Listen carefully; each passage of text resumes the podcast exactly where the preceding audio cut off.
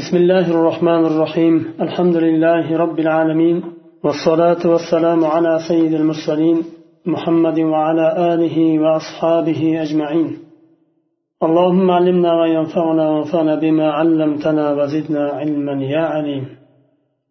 آية الأحكام دان توقزنش حكم دا توختغاندك ما هي محرمات الإحرام؟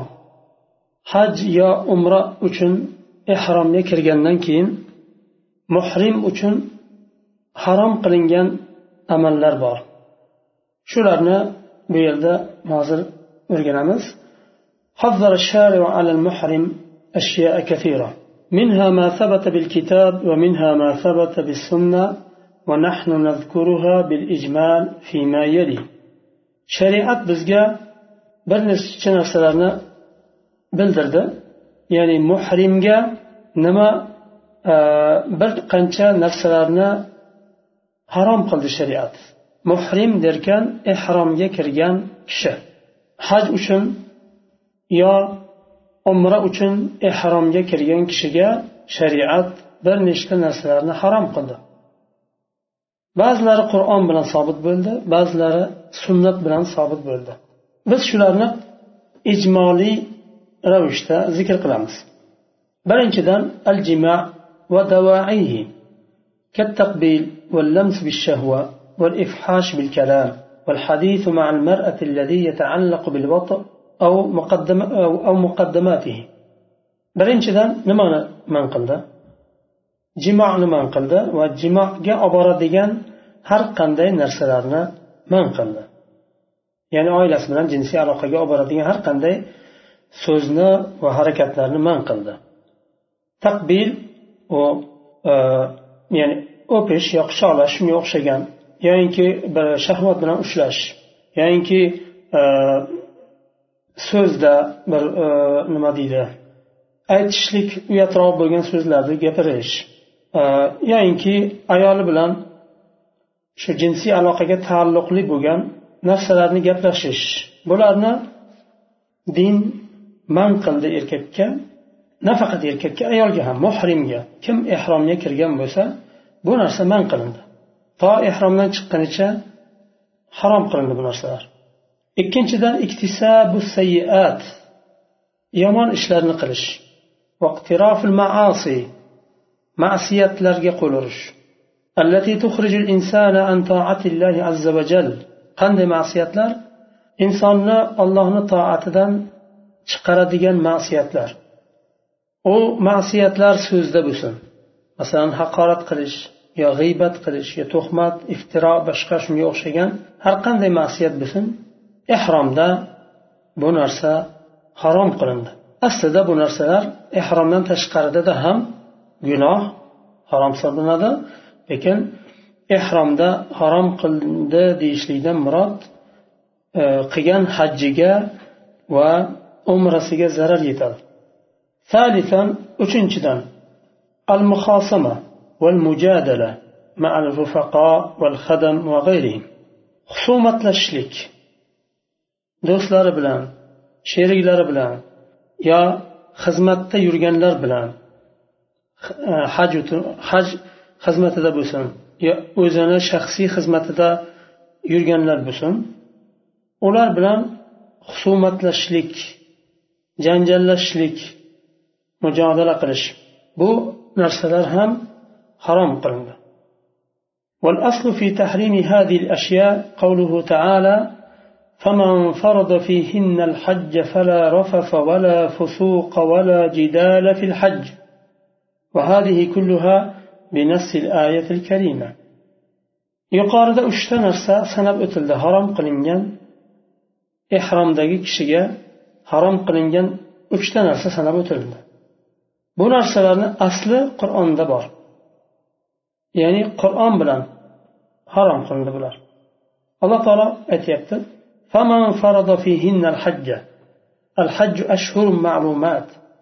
hajni ma'lum bir oylarda bo'lishini aytgandan keyin alloh taolo bu oylarda kimga e, haj farz bo'ladigan bo'lsa kim shu oylarda hajga qodir bo'lib hajga yuzlanadigan bo'lsa fala rafafa vala fusuqa vala jidala fil haj kimga farz bo'ladigan bo'lsa haj va hajga boradigan bo'lsa haj amallarini boshlaydigan bo'lsa hajda ahli ayoli bilan jinsiy muomala mumkin emas.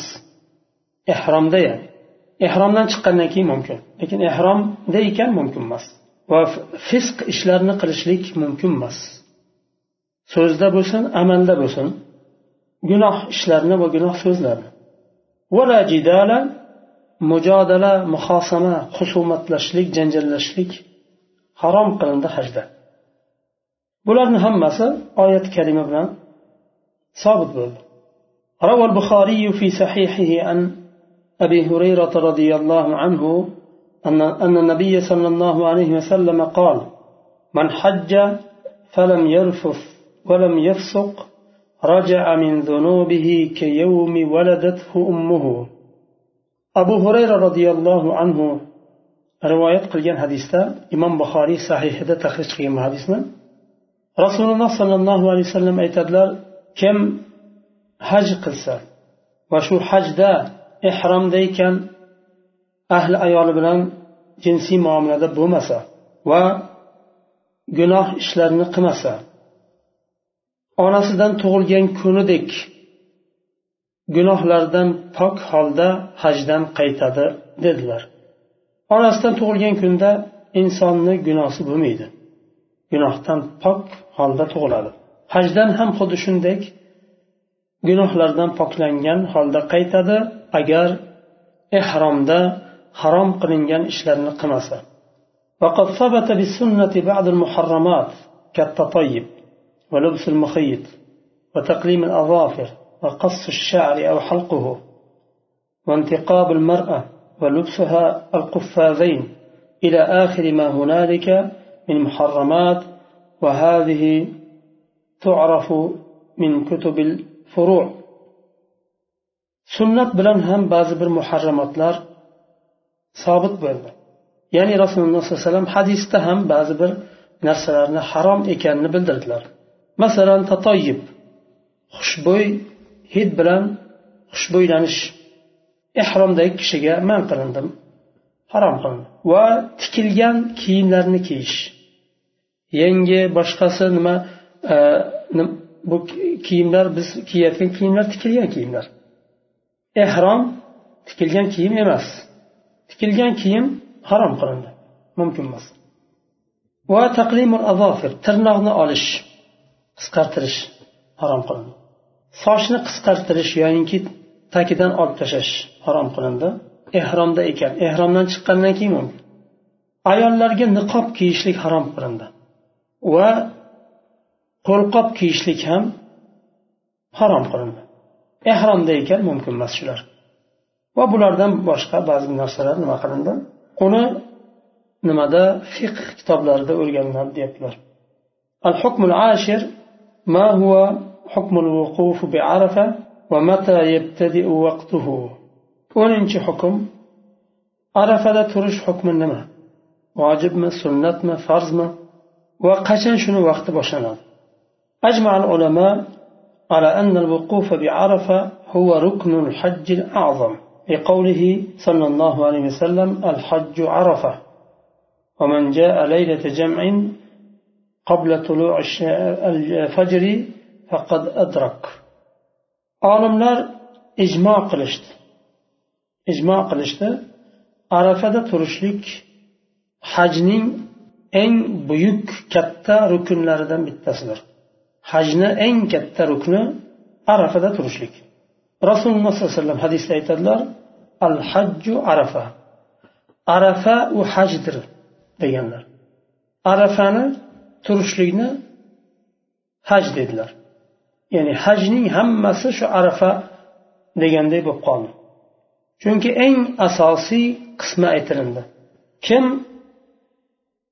arafada jamlangan kechada kelsa arafaga yetsa va fajrni o'ninchi zulhijjani fajri chiqmasdan oldin arafada tursa oz bo'lsa ham bir qancha daqiqa tursa ham yetarli turdi hisoblanadi arafani demak arafada turgan hisoblanadi va bu rukunni bajargan hisoblanadi ويرى جمهور العلماء أن وقت الوقوف يبتدئ من زوال اليوم التاسع إلى طلوع فجر اليوم العاشر وأنه يكفي الوقوف في أي جزء من هذا الوقف وقت ليلا أو نهارا.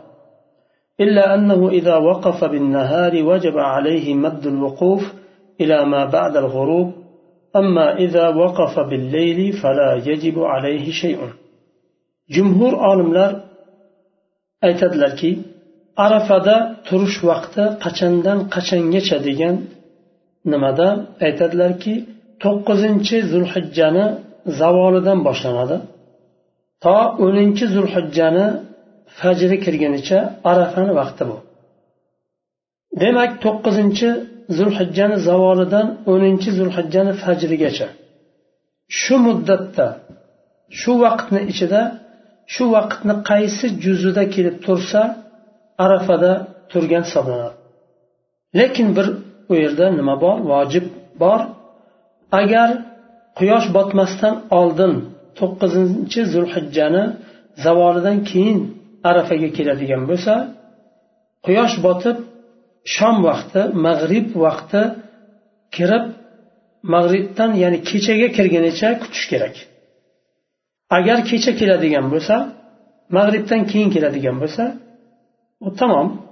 Istagan turadi arafada bir necha daqiqa tursa ham yetarli nima muzdalifaga tushadi وقد روي عن الإمام مالك رحمه الله أنه إذا أفاض قبل غروب الشمس لم يصح حجه وعليه حج قابل إمام مالك رحمه الله aytadilar agar mag'ribdan oldin to'qqizinchi zulhijjani kunduzida zavoldan keyin kelib arafada tursa va kecha kirmasdan oldin arafadan tushadigan bo'lsa muzdalifaga u holatda u kishini haji qabul bo'lmaydi deydilar.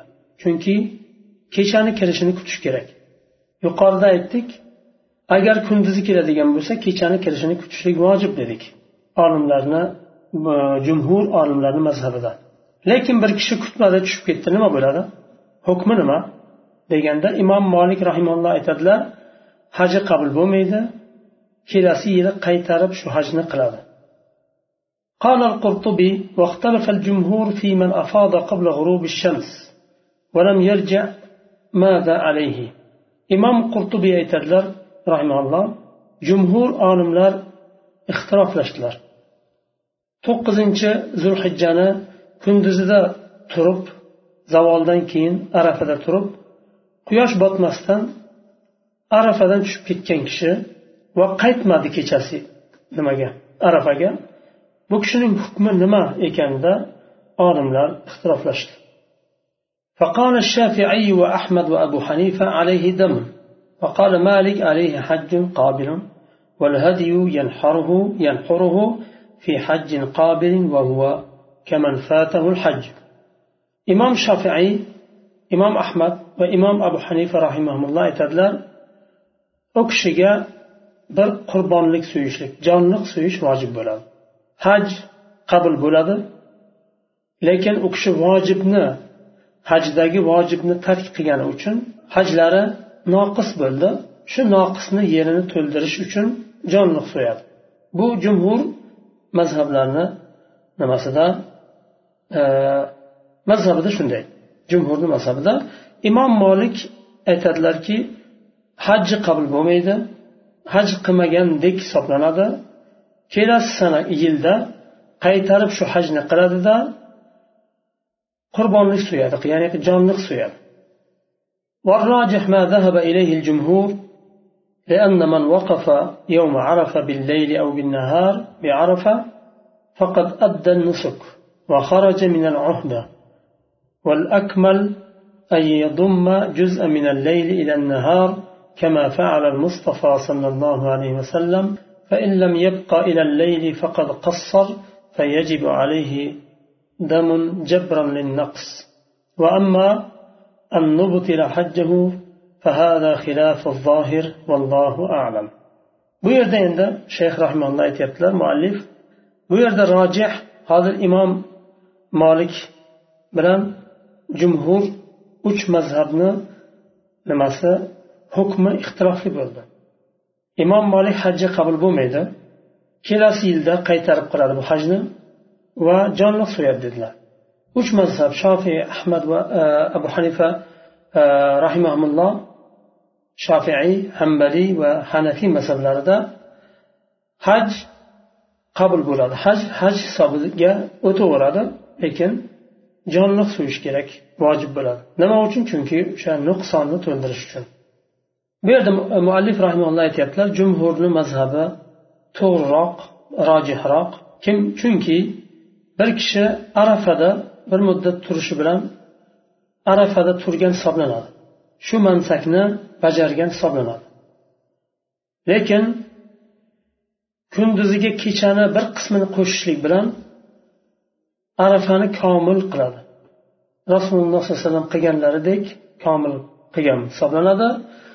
Agar kechaga qolmasa kunduziga kechadan bir qismini qo'shmasa va arafadan mag'rib kirmasdan tushib ketadigan bo'lsa u muqassirlik qilgan nuqson qilgan bo'ladi hajda va bu nuqsonni o'rnini to'ldirish uchun nima? Jonliq so'yishlik unga vojib bo'ladi. Ammo hajjini botil qilishligimiz qilgan hajjini botil deyishligimiz u zohirga xilof bo'lgan hukmdir. Vallohu alam deydilar. Shu yerda to'xtaymiz keyingi darsdan al qitali fi fil ashhur al hurum. Alloh taolo urush harom qilingan oylar bor. Shularni e, haqida oyatlar nozil bo'lgan. Kelasi darsda shu oyatlardan boshlaymiz. Subhanakallohumma va bihamdik. Ashhadu an la ilaha illa anta astag'firuka va atubu ilayk.